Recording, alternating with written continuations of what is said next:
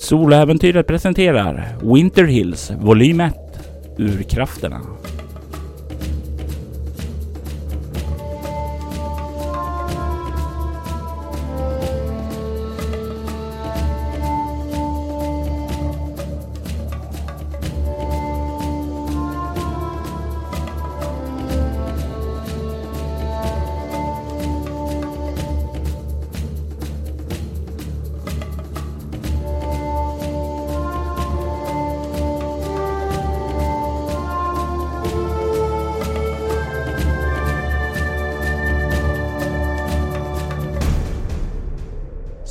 2 Avsnitt 15 The Dream Första delen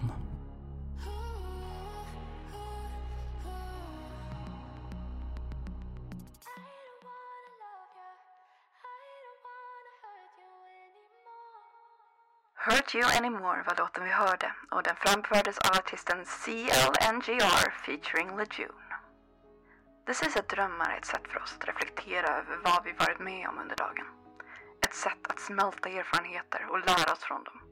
Kanske är det så, för det mesta. Men ibland är drömmar mer. Det har sina egna erfarenheter. Det för med sig sina egna trauman som sätter djupa spår i en.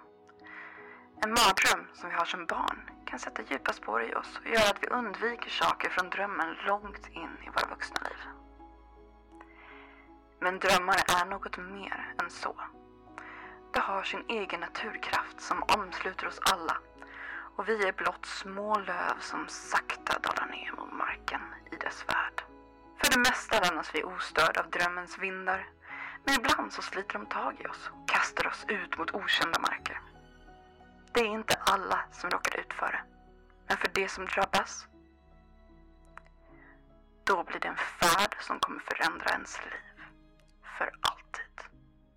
Tro mig. Jag, om någon, borde veta det. Tragedierna har börjat komma till Winter Hills. Men Vinetka-boarna här är luttrade.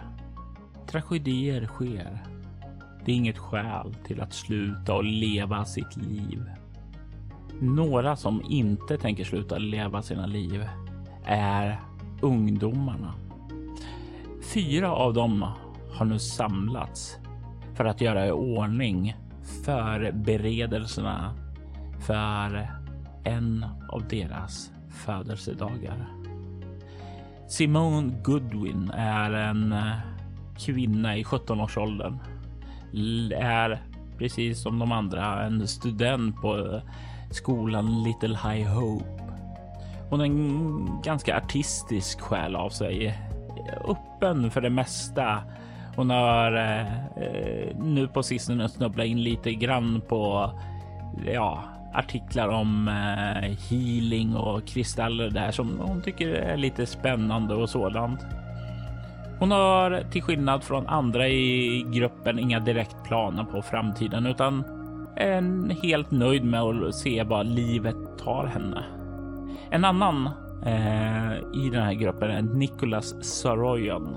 Han, eh, hans familj äger den här stugan och det är med familjens goda tillstånd som de har fått använda den för att fira eh, Simons födelsedag här. Eh, trots allt är ju Nikolas en väldigt skötsam kille. Fredrik, eh, skulle du vilja presentera Nikolas för oss? Ja, Nikolas är också han 17 år och eh, student på Little High Hope. Han spenderar egentligen hellre tid ute i, i vildmarken eller med praktiska färdigheter än de teoretiska färdigheter som han tvingas genomlida på Little High Hope. Men han vet att det förväntas av honom från hans familj att han ska åtminstone ta sig igenom skolan med relativt bra betyg. Så att han gör sitt bästa för att det är det man gör. Man gör allt sitt bästa. Man gör det man har lovat och man ser till att familjen blir stolt över en. Så, så är det absolut. Och eh, med här finns ju också Samuel Toom eh, som är din bästa vän. Då. Ni växte upp och båda kommer ju från en av de här grundande familjerna då, så ni har ju, eh, ja, det finns en lång historia mellan, er, eh, mellan era familjer då. Man skulle kunna säga som så att det nästan var förutbestämt att ni skulle bli vänner när ni föddes samma årgång då. Samuel är son till eh, Gerald Toom som driver fiskeplottan. men du vet ju att han har ingen bra relation med sin far. Det fanns aldrig någon sån här varm kärlek. Kanske mycket för att Gerald är ensamstående far. Eh, modern gick bort vid ung ålder och eh, det var eh, som sagt var eh, mycket att göra med fiskeflottan och så. Och nu förväntar sig Gerald att eh, Samuel ska följa efter sin far och Samuel han, han vill verkligen inte följa sin far. Eh, han tycker ju det är mer intressant att hänga med på de här jaktutflykterna som eh, din far har tagit med dig på och då även honom. Han, han har väl hängt mycket hemma hos er då, spenderat mycket tid där för han känner sig. Det är lite grann som hans hem då. Eh, till skillnad från det kalla livlösa hem han bor i. Men han är också hyfsat praktisk. Han har liknande mentalitet som dig, vilket är varför ni kanske kommer överens så väl. Den sista som också kommer ifrån en av de grundade familjerna är Elisabeth. Hon är den här drivna, skötsamma flickan som alltid vill ha bästa betyg i skolan.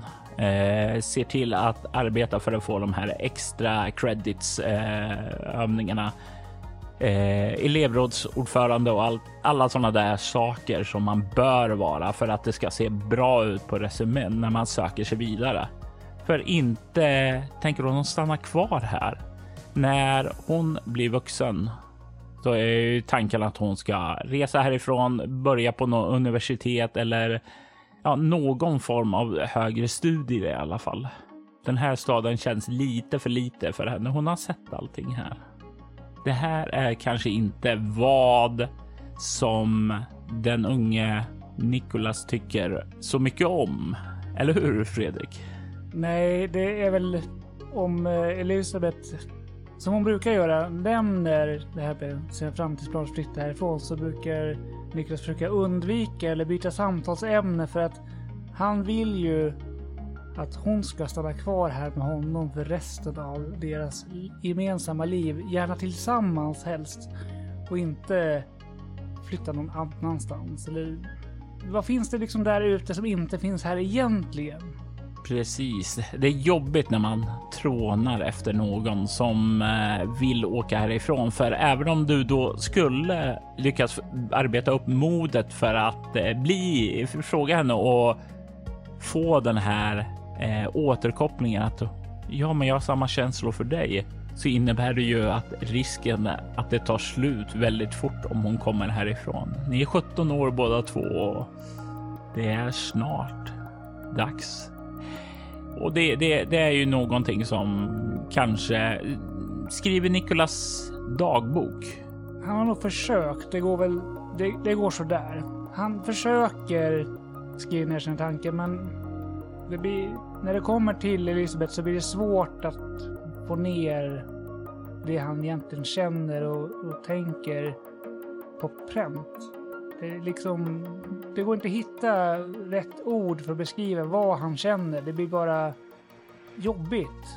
Det blir, alltså, och varje gång han tänker på, eller försöker ta mod till sig att berätta vad han känner, så tänker han på att hon vill härifrån och han får bara en klump i magen mår illa, kallsvettas och vill bara bort.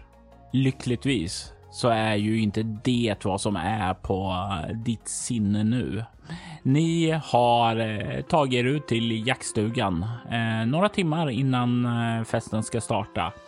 Ni har lånat Elisabeths eh, familjs bandvagn, varit förbi och hämtat upp varor på Martins eh, för festen och sedan har ni åkt Mm, söderut ur staden, förbi ert hem och sedan bortom den eh, stora skogsområdet som kallas för Vendigos Dew.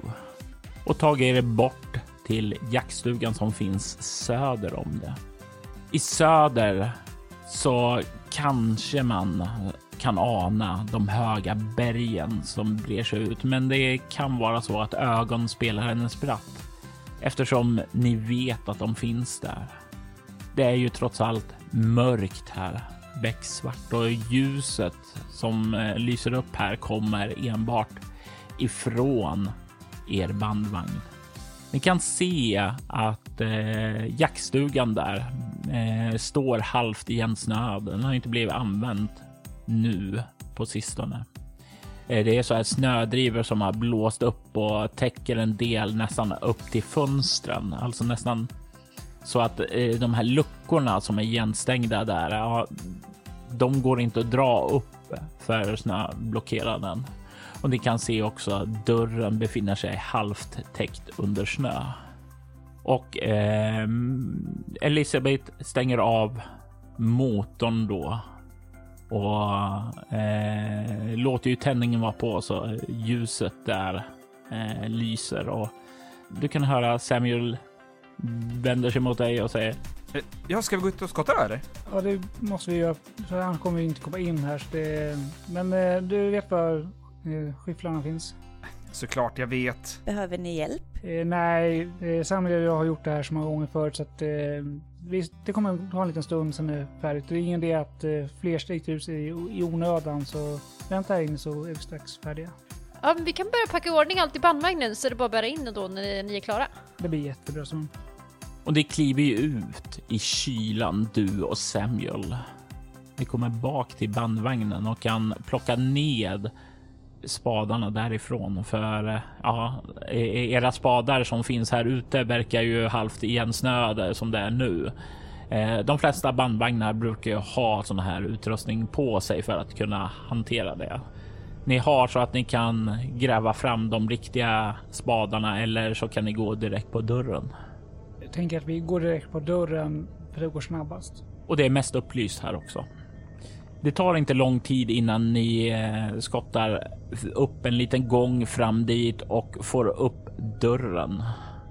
Och du kan se hur eh, Elisabeth öppnar bildörren och börjar kliva ut för att gå och hämta ut varor. Jag hjälper Elisabeth att bära in bärarna. Det är lugnt. Låser upp dörren och sätter igång värmen så kommer vi. Absolut.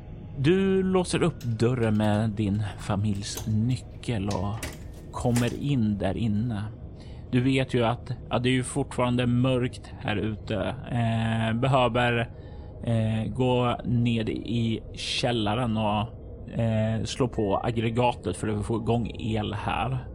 Eller tända brasan här inne eh, i det stora vardagsrummet som du kommer in i. Ja, jag tänker att jag tar och tänder en eh, fotogenlampa först för att jag kan se bättre. Så går jag och kollar hur det står till med vedförrådet som finns inomhus. Då för att om man har ved utomhus när det är så kallt så surnar den ju alldeles fullständigt och går inte att använda. Så jag kollar och det är som vanligt välfyllt. Det är välfyllt. Det brukar alltid vara det ute när din familj eh, har eh, hand om saker. Det brukar vara skötsamt. Jag tänker att även om det hade räckt med att egentligen starta generatorerna så är det ju mysigare att även ha en, en brasa och det blir även varmare. Så jag tänker att jag börjar tända en brasa och så Starta generatorerna sen efteråt. Absolut, och du eh, går fram där och börjar att eh, sätta igång det och du har lagomvis fått upp lite den här första sprakande eh, ljudet av eh, eh, vedträdan som börjar knäppa eh, när det börjar ta fyr där inne. Och du eh, hör då hur den första personen kliver in och du hör att det är Simone som har kommit eh, först in, Åh, ni är redan igång med elden! Härligt! säger hon och hon stampar ju av sig eh, stövlarna och sådant där och tar av sig dem här inne för att inte dra in snön ännu mer då. Och kliver in och ställer ner den här stora kassen på bordet och sen så skyndar hon fram till dig och börjar värma händerna där. Jag tänker att eh, jag hinner ju alltid starta generatorn om en liten stund. Men jag tänker att jag ser till att packa upp varorna så de inte blir stående Mm. vid dörren. så de kommer på rätt plats. Så det blir lite ordning och reda. Så blir lättare om det ska in mer saker. Eller om det börjar komma med andra gäster och så. Så det, jag gör det först. Eh, och när du börjar göra det så kan du snart höra även Samuel och och eh, Elisabeth komma in efteråt och kan ju se hur de stänger dörren och sådant efter sig och eh, Simon kommer även fram då. Ni börjar plocka upp och göra ordning för allting. När du får förstärkning från de andra tre, kilar du ner och slår på aggregatet då eller väntar du ytterligare en stund? Jag går nog ner. När jag säger att de andra har börjat hjälpa till och få ordning på, på varorna så går jag ner. Eller jag säger till att jag ska bara gå ner och sätta på aggregatet och så går jag ner och gör det. Och eh, du kommer ner. Det är en ganska mm, alldaglig källa här. Det finns eh, lite så här enklare bröten och så här. Det finns även en del extra ved och sådant här. Eh, det är i bakre delen av källaren som eh, den här aggregatet finns då. Det går ju också en sån där hel del rör och sådant där som syns där också. Det är definitivt inte såna här källare man skulle vilja bo i. Det är kallare här nere än där uppe och du känner ju lite av kylan eh, rejält här då. Du kommer fram till maskinen och du försöker starta den och du känner att ja, det, det är problem att få igång den där. Jag tänker att du kan få slå ett egomekanik. Fyra mekanik, så då har jag sju plus en tärning. Och slår en sexa så att jag kommer upp i 13. Eh, ja, den kärvar lite och du, du är tvungen att... Du inser ganska snabbt att du måste fylla på lite bränsle och sådant. Men efter du har fyllt på det där, det går igång utan problem. Och du nästan känner hur huset börjar vakna till liv.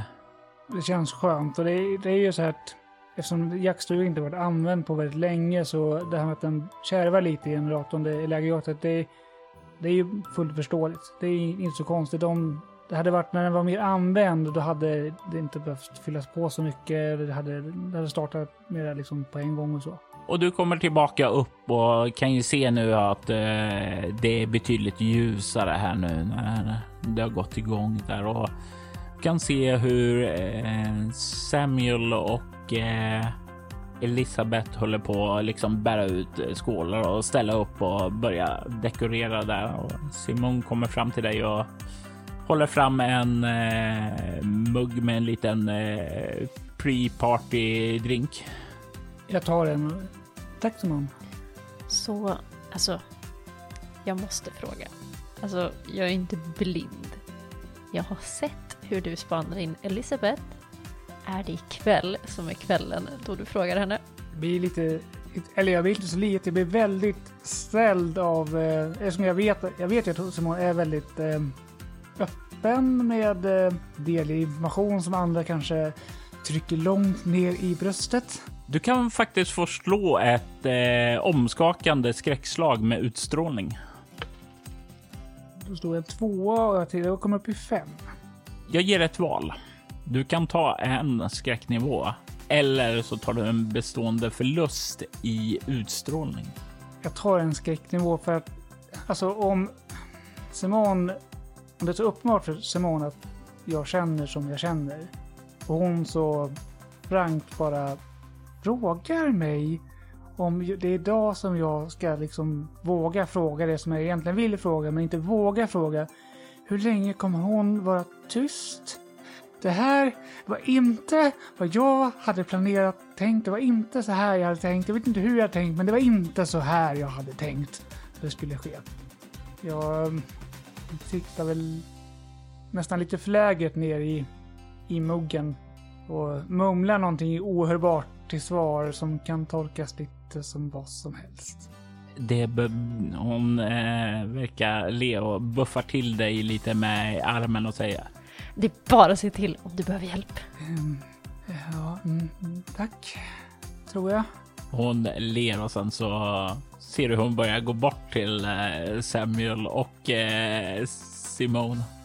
Eh, Okej. ehm, jag tror jag måste kolla om det kanske behövs mer skålar från köket. Går ut eh, samtidigt som jag sneglar liksom över axeln. Och du kan se hur eh, hon kliver fram där till dem, eh, verkar säga någonting och sen så kommer du ut genom dörren och du hör den här svängdörren börja glida tillbaka och det sista du hör innan dörren slår igen där så hör du ditt namn. Han, vad, vad, nu? Ehm, jaha, eh, jag skulle nog vilja försöka tjuvlyssna. Var det obemärkt? Fyra. Du skyndar dig tillbaka där och kan lägga örat däremot. Och du kan höra att de, de verkar nu prata om lite om dekorationer. De verkar ha lämnat eh, dig som samtalsämne. Ja, då, då kanske det är lugnt. Eh, ja, eh, jag måste ju ändå komma ut med någonting från köket. Det är väldigt misstänksamt att gå in i ett kök och sen komma ut utan någonting. Så jag går och kollar om det finns någon skål kvar som de inte har tagit ut än eller någonting annat som kan tänkas behövas. Jag slår en reaktionstärning. Det finns en skål där, absolut. Ja, fast den här, den här skålen, alltså, det vill inte riktigt använda den här skålen. Eh, varför vill du inte använda skålen? Alltså det här är ju pappas nötskål som han, det är liksom hans personliga skål. Det känns lite fel att ta den. Alltså jag vet att jag får ta den. Det är mer att när han inte är här så känns det som att liksom låna den. Jag vet att liksom, det är den han brukar använda. Det liksom, finns nästan som urgröpt efter fingrar när han har tagit nötter i skålen. Så det... Nej, jag kan inte ta den. Det, det, det skulle vara fel att ta den. Liksom, fast jag får så är det ändå, nej, jag kan inte ta den. Jag måste komma på något annat. Jag får... Du står och kollar på den där och suckar så ska du bara och ställa tillbaka den. Och när du ställer tillbaka den så missbedömer du var hyllan är och du slår in den rätt i kanten och du hör ljudet av porslin som krossas. Det här var inte bra. Eh, Du kan höra fotsteg som verkar komma närmare där utifrån. Jag tror jag står där och kollar liksom på den här delen av skålen jag har kvar i handen. På skärvorna som ligger liksom på bänken nedanför. Och det, det är liksom...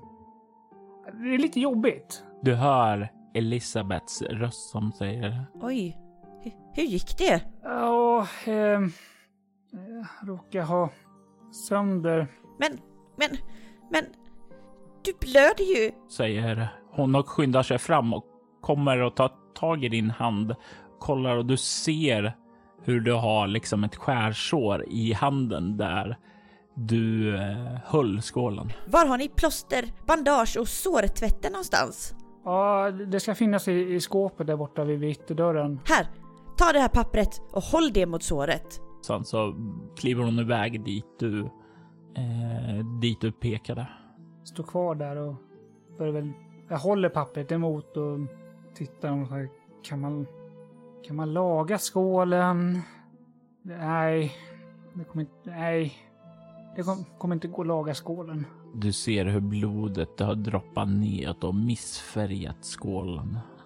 Du ser hur de här skårorna i din eh, pappas finger liksom har grävt ur det lite extra efter alla års av användningar. Den här skålen som är så intimt förknippat med din far är krossad. Det känns jättejobbigt. Men samtidigt så känner jag ändå... Alltså det här kommer vara, kommer vara jättejobbigt att behöva säga att det här har hänt. Men samtidigt så kommer pappa kommer förstå att det var ju en olyckshändelse och vi har ju ändå en bra relation. Så att han, han kommer förstå, han kommer bli ledsen när skåden gick sönder men han kommer liksom, han kommer förstå. Men det kommer ändå vara jobbigt att liksom berätta det. Men jag måste ju göra det så fort jag får läge att göra det för att eh, man, man ska inte ljuga för sina, sin familj. Mm. Och har, man, har man gjort fel så, även om det är ett misstag, så måste man ju ta ansvar för det. Och om man bara är ärlig i sitt uppsåt. Ja, men då, då förlåter ens familj. Eh, de vet ju att du inte skulle göra någonting av illvilja. Så är det ju. Det är en väldigt djup relation du har med din far, men eh, det är väl kanske inte hela historien. Vissa skulle ju säga att han är, inte är din far. Ja, alltså, han kanske inte är min eh, biologiska pappa, men det är ju min pappa. Det är ju den pappa jag liksom har haft, som jag minns. Ja, för din biologiska far, Lucas Harding, gick ju bort när du var ung.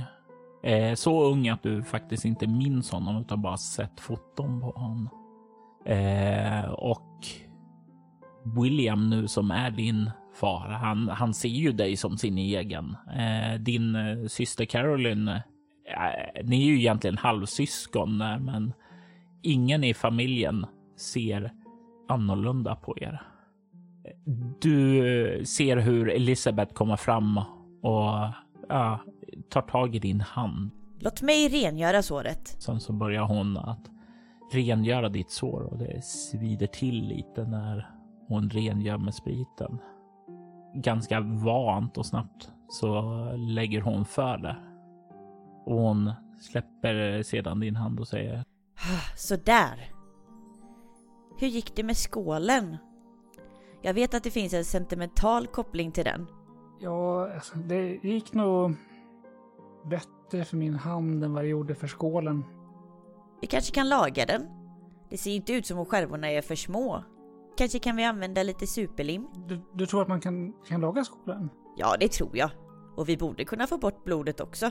När hon säger det så, alltså när hon höll i min hand så kände jag knappt smärtan för att hon höll i min hand. Men när hon säger att man kan laga skålen, det blir jag ännu gladare av att det går, det går liksom att laga. Jag kommer ju fortfarande tala om för pappa att jag råkade sönder den, men att vi kunde laga den. För det är det man gör. Man, man mörkar inte saker. Man talar om det som har hänt, som har ansvar för det och försöker göra det bästa av situationen. Men, men hon säger att hon kan hjälpa mig att laga skålen, det betyder väldigt mycket.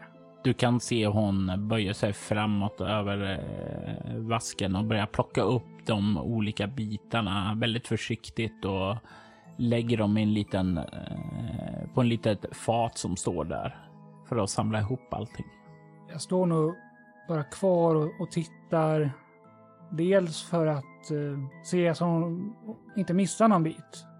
För det vore ju väldigt tråkigt, men framför allt för att stå och titta på henne fast hon inte kanske tänker att jag står och tittar på henne. Det är lite obehagligt när någon står och stirrar på en, kan det vara. Eh, så jag försöker att inte stirra, men jag står ändå kvar och, och tittar. Och så tittar jag bort lite och tittar, och tittar bort och tittar. Mm. Och står väl egentligen och velar och känner att nu, nu, nu, nu, nu kan jag säga någonting.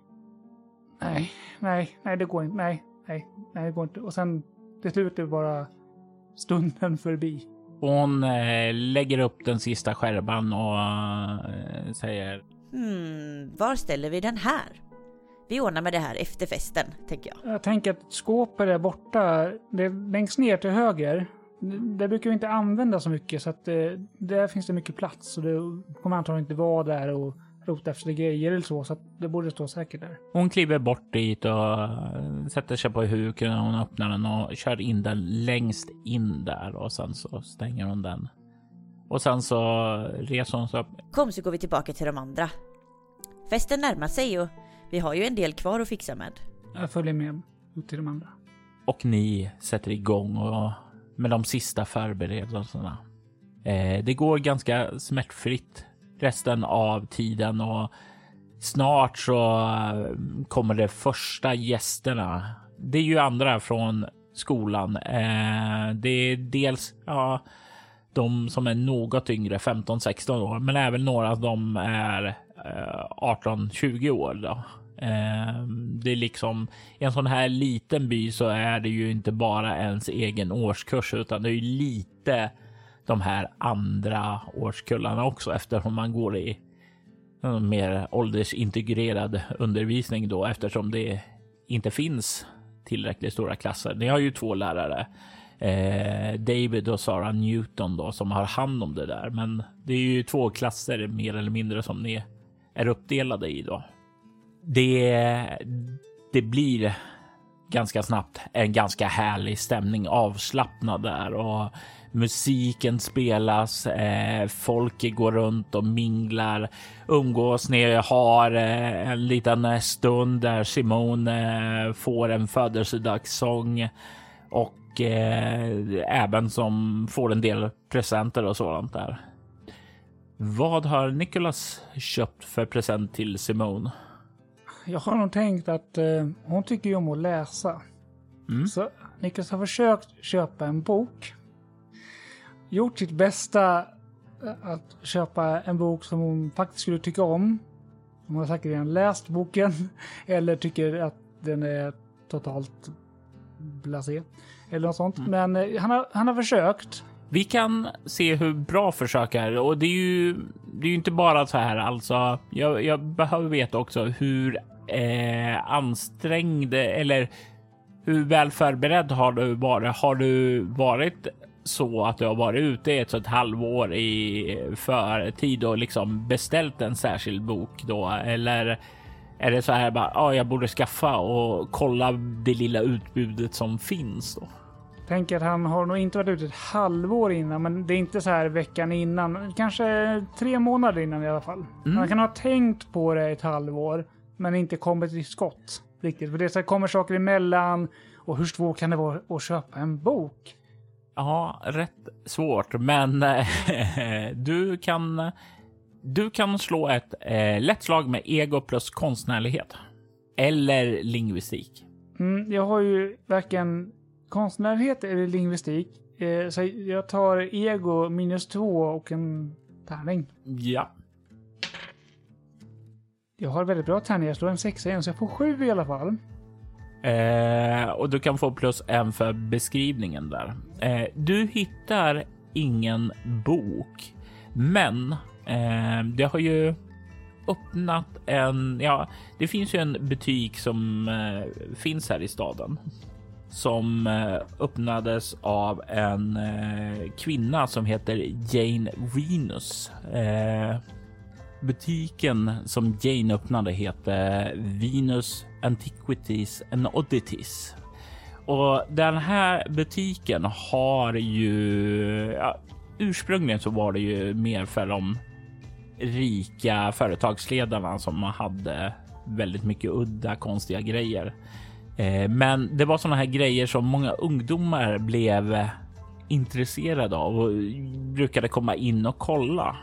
Och när den här leveransen kom precis innan jul så hade hon beställt in massa eh, mängder av föremål och sådant som var billigare. Jag tänkte allt ifrån sådana här udda eh, rekvisita från filmer och sådant som är lite så här spännande men som var mer riktade till traktens ungdomar och sådant.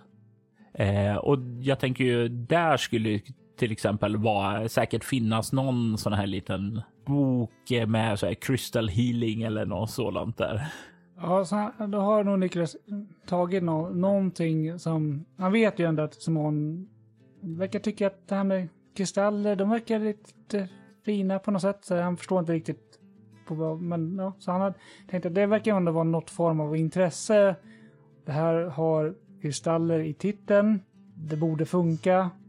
I värsta fall får hon väl lämna tillbaka den. Han har sparat kvitto. eh, kanske så att eh, tiden för tillbakalämningen har gått ut.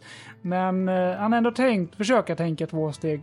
Och man kom bara ett fram ungefär så. Och när hon öppnar den så kan du se hur hon skiner upp och sen springer hon fram och ger dig en kram. Vad, vad bra att du tyckte om den. Eh, Jag kramar lite så här vänskapligt Ja. lätt tillbaka. Inte ryggdunkskramande, men, alltså, så här, men ändå så här så att det är inte så att jag liksom ryggar tillbaka utan mer liksom Eh, och eh, därefter så liksom fortsätter det. Men du kan se att hon eh, verkar jättenöjd med det. Eh, du kan ju se att eh, eh, Elisabeth har köpt någon form av eh, kristall till henne eh, som då matchar väldigt bra med boken och du kan eh, se hur eh, Samuel har eh, köpt eh, henne eh, några ja, ett sånt här målarsätt. Hon gillar ju att måla lite sådär. Hon är inte bra på det, men hon gillar att göra det. Eh, och det blir eh, som sagt var festandet. Eh, festen förflyter jättebra. Det här är ju. Det är inte första gången ni ställer till fest och det blir lätt så att eh, när Elisabeth vill göra någonting så gör, kan hon ju inte hålla ner växlarna utan det ska göras ordentligt då. Och tillsammans med Simons estetiska sinne så blir det ändå väldigt eh, fint och inbjudande och trevlig stämning här. Eh, är det något särskilt du vill göra under festen? Ja, jag tänker att jag försöker hålla... Det är ju ändå min familjs som har ansvar för jaktstugan. Så jag vill hålla lite koll. Så här, även om det är folk jag känner och klasskompisar så vill jag ändå hålla liksom lite så här eh, koll så att det, det sköts snyggt. Jag tar fram min reaktionsträning igen eh, och jag slår den och ser om det är någonting mer som förstörs eller om du är den enda som förstör sakerna här. Jag får en sadistisk gubbe och det är någonting eh, som definitivt kommer att hända, men ingenting som du fångar här just nu, utan det, det, blir ju någonting som går sönder på den här festen, men inte när du ser det och det göms så här undan. Så det är ju någon gång längre fram när din far kommer hit tillsammans med jaktlaget för att leta efter någonting så kommer du upptäcka att det inte finns där. Men i dina ögon så går allting felfritt. Utmärkt. Alltså egentligen vill jag ju prata, vill jag ju prata med Elisabeth.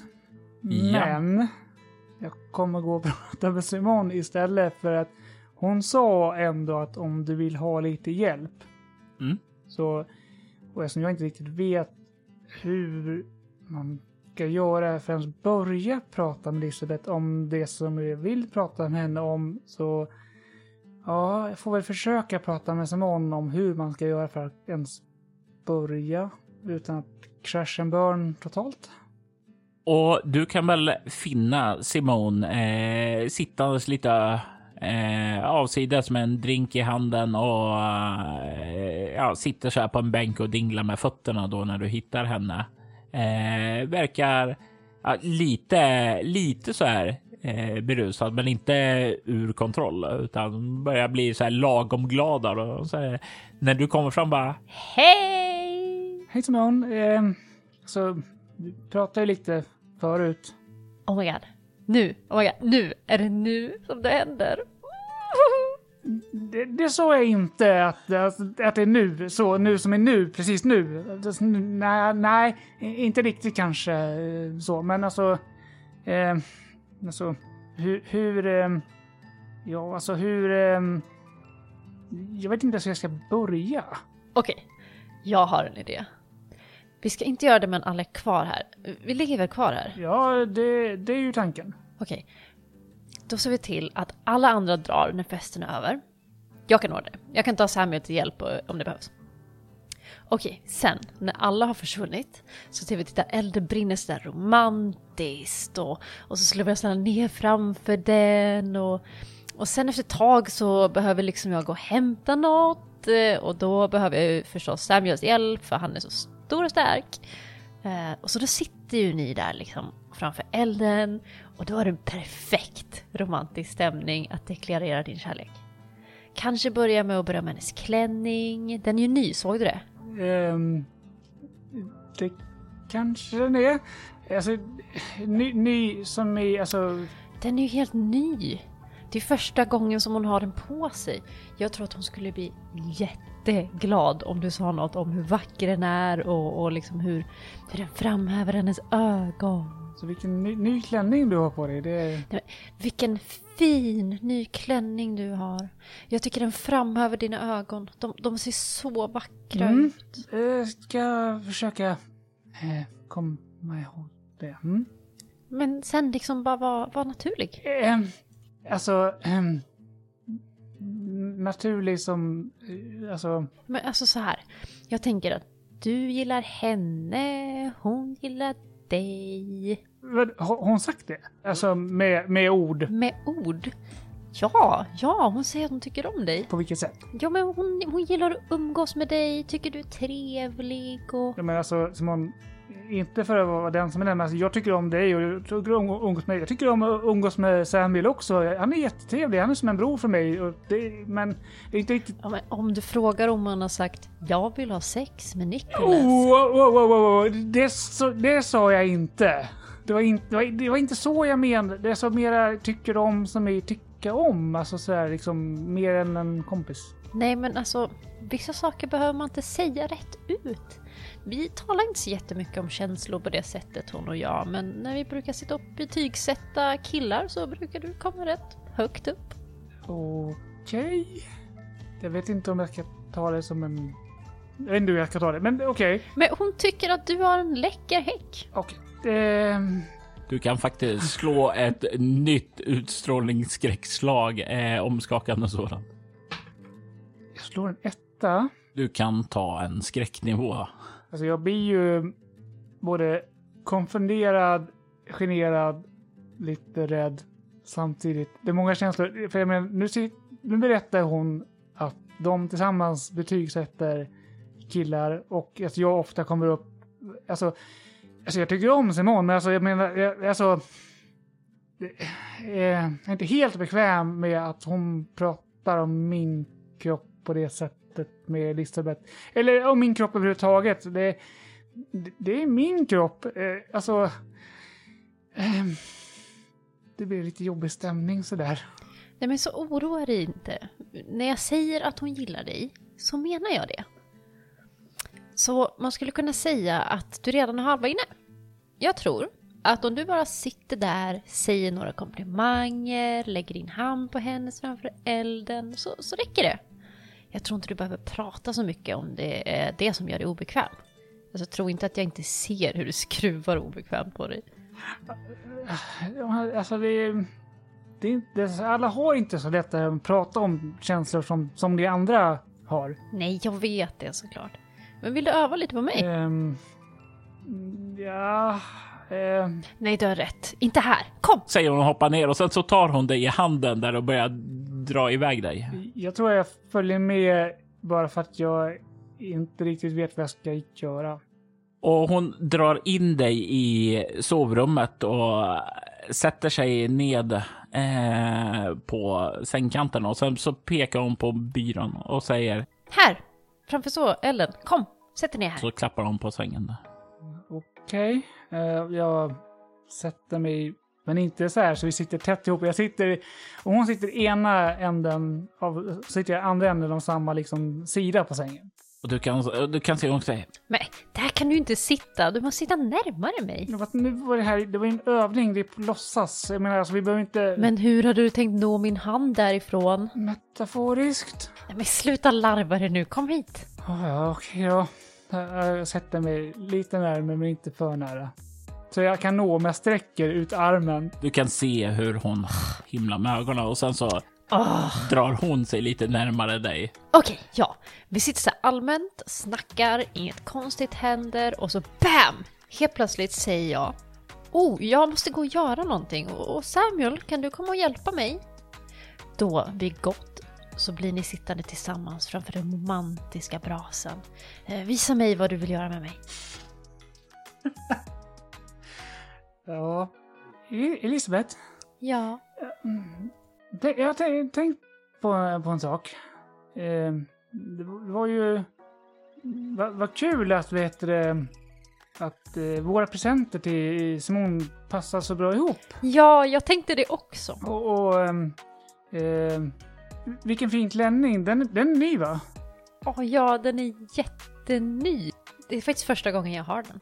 Eh, passar verkligen eh, dina ögon. Åh, tack så mycket. Säger hon och du kan se hur hon liksom glider ut lite med handen ännu närmare och du känner fingret slå lite emot ditt lår där vid sidan. Nej, nej, det här, nej, nej, nej, alltså Simon, nej, det här går inte. Alltså, nej, nej, det här, nej, det här är bara konstigt. Alltså, det, det, jag förstår att det är bra att alltså, tänka igenom saker innan man gör dem och, och sådär, men alltså, eh, nej, det, det, blir, det, blir, det här är jättekonstigt.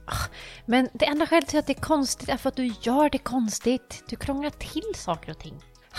Ja, ja, fine. Jag vill inte göra dig obekväm. Jag, jag vill bara hjälpa dig. Jag vet, det, det är jättesnällt. Det bara att det var... Ja, men det blir lite konstigt. Du ser hur hon reser sig och går fram till dig och klappar dig lite på kinden där eh, och säger Bättre lycka med Elisabeth sen då. Tack. Det kan nog behövas. och sen så kliver hon ut där. Jag sitter nog kvar minst fem minuter på sängen och försöker att andas. För att om det var så här jobbigt att eh, låtsas göra det här, hur jobbigt kommer det då inte vara? Nej, jag vill inte ens tänka på det. Det blir bara... Oh, det är nästan så här panikångestattackkänsla och tryck över bröstet. Och måste liksom sitta och nästan djupandas för att liksom komma ner. Och om Nicholas var berusad så har han nästan nyktrat till av den här paniken som sprider sig i kroppen. Men när han känner att nu, nu, nu kan jag liksom gå ut utan att se ut som jag har sett ett spöke. Eller något annat liknande konstigt. Så reser han på sig och så går jag ut. Jag kan inte sitta här inne i resten av festen. Det vore jättekonstigt.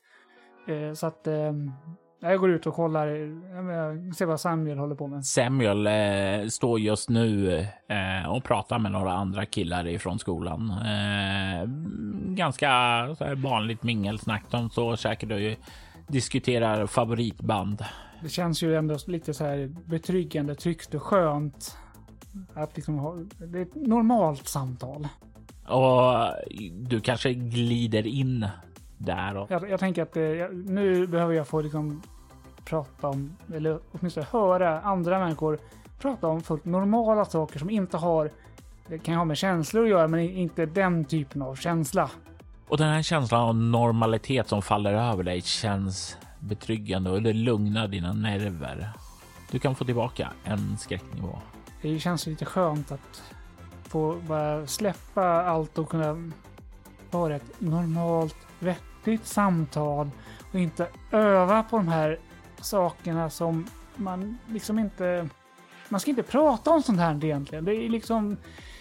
Det, det, det sköter man liksom privat mellan hemmets fyra väggar. Men man, alltså, det, blir bara konstigt att börja prata, öva på känslor inför någon annan med någon helt annan människa. Och, alltså, det, det, det blir jättekonstigt. Festen fortgår. Det är en trevlig tillställning och den börjar väl rundas av rundåt midnatt. Eh, du kan ju se att det är några som vill dröja sig kvar, men eh, Simon verkar vara ganska eh, bestämd med att de får nog följa med hem. Eh, och när Simone är bestämd, alltså hon är det så sällan, så när hon blir bestämd så då har folk en tendens att bara okej, okay, jag bäst jag lyssnar. Eh, så snart börjar ju som sagt var eh, allting att eh, börja lugna ner och kan se hur Elisabeth går börjar ta fram en eh, sån här svart sopsäck för att börja städa undan. Eh, då Simon säger Äh, det där kan vi ta imorgon. Kom, vi sätter oss ner framför elden och snackar lite istället. kan se hur Samuel börjar kliva bort dit och tar en med sig en öl dit bort. Jag börjar också röra mig dit. Alltså jag känner redan nu innan liksom det ens är nära till att det här kan hända. Den här konversationen som jag ser fram emot och fruktar samtidigt så känner jag liksom hjärtat slår liksom snabbare och snabbare i, i bröstet. Och det är, det, det är lite jobbigt men samtidigt så än så länge så är det, det är ganska lugnt så jag, jag går och sätter mig med de andra. Eh, och eh, du hamnar ju bredvid eh, Elisabeth för eh, du kom ju dit som andra person eh, och Elisabeth sätter sig bredvid dig då. Eh, och längst bort så sätter sig Simone. Och eh, eh, du kan ju se Samuel är rätt bra att sätta igång samtalen. Han sitter och snackar där. Det är ju lite så här dämpad belysning för Simone. Det sista hon gjorde var att liksom stänga av det där så bara skenet ifrån den här eh, elden eh, lyser upp då och det är så väldigt mysigt med den här sprakande elden framför er.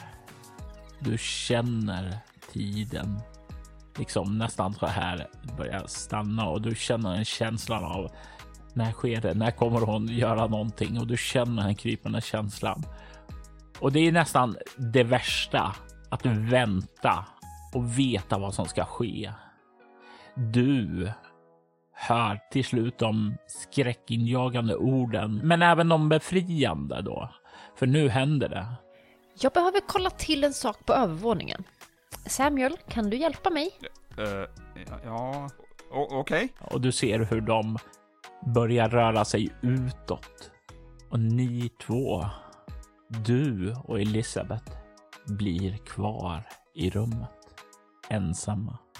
Framför den väldigt romantiska vyn. Sitter nog tyst lite längre. Det börjar bli nästan lite så här på gränsen till obekväm tystnad. Ja, ehm, Har ja, du... Elisabeth? Eh, Ja, förlåt. Nej, nej, nej. Börja du.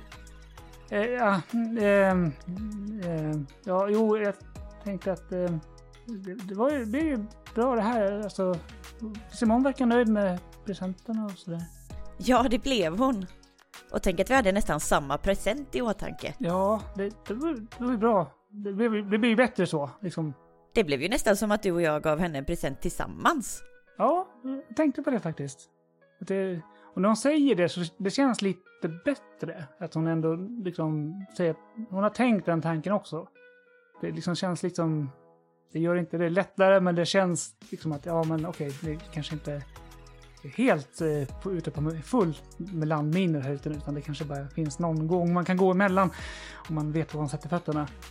Eh, ja, eh, vilken fin klänning du hade på dig. Den, den passar så bra till, eh, till dina ögon.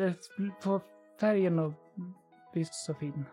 Och hon vrider sig lite mot den och liksom gör en sån här eh, strykning eh, uppifrån och ned med handen. Åh, gillar du klänningen? Jag hade hoppats att du skulle gilla den. Den, den är jättefin. Eh, Vad roligt att du tycker det. För vet du vad?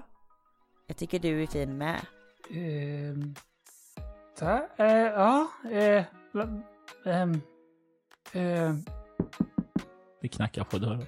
Ehm, slä, släpp inte den tanken. Eh, eh, håller med. Eh, men, men, ehm, vänta lite! eh, jag tycker också du är, är, är, är jättefin. Eh, kanske måste gå och ehm, se vem det är. Så lägger min hand på henne och kramar hennes hand lite grann. Och du känner hon greppar det tillbaka. Och jag vill att du slår ett utstrålning interaktion minus ett för det är någon mood eh, breaker vid dörren. Alltså den personen ska ju... Alltså utstrålning interaktion tror jag. Ja, Slår fem, elva på den. och du kan se hur hon nickar, ler. Det verkar på något sätt som om hon inte riktigt tappar stämningen utan hon nickar och ler bara. Och faktum är att hon börjar resa sig upp tillsammans med dig för att gå med dig till dörren istället för att bli kvar. Och hon släpper inte din hand. Eh, då går jag, eller vi går, för inte kanske med jätteraska steg. Men samtidigt som att man inte vet om sig ska banka på dörren. Ja, ja vi, vi, på, vi kommer! Och med tanke på att jag då faktiskt säger vi kommer, inte jag kommer, så någonting har ju ändå ändrats i min, liksom, hur jag tänker. Eh, så gå fram till dörren, försöker öppna dörren utan att släppa hennes hand. Och det har du inga problem med. Dörren glider upp. Och du kan se där utanför en person stå på trappen. Du ser eh, ett lätt snöfall falla där utanför ifrån eh, skenet här inifrån. Men det är ju som sagt var stort mörker är nästan.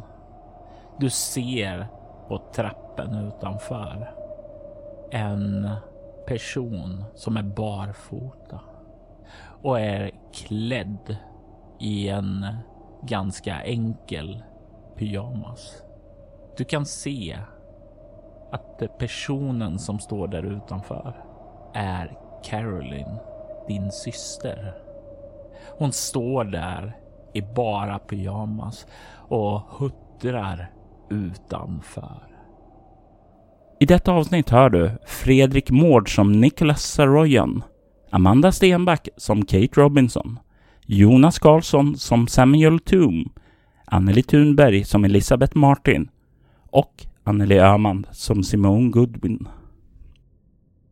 Winter Hills är en berättelse skapad, spelad och producerad av Robert Jonsson till rollspelet Bortom som ges ut av Mylingspel. Denna säsong klipptes av Kvarnberg Productions, Robert Jonsson och Jörgen Niemi.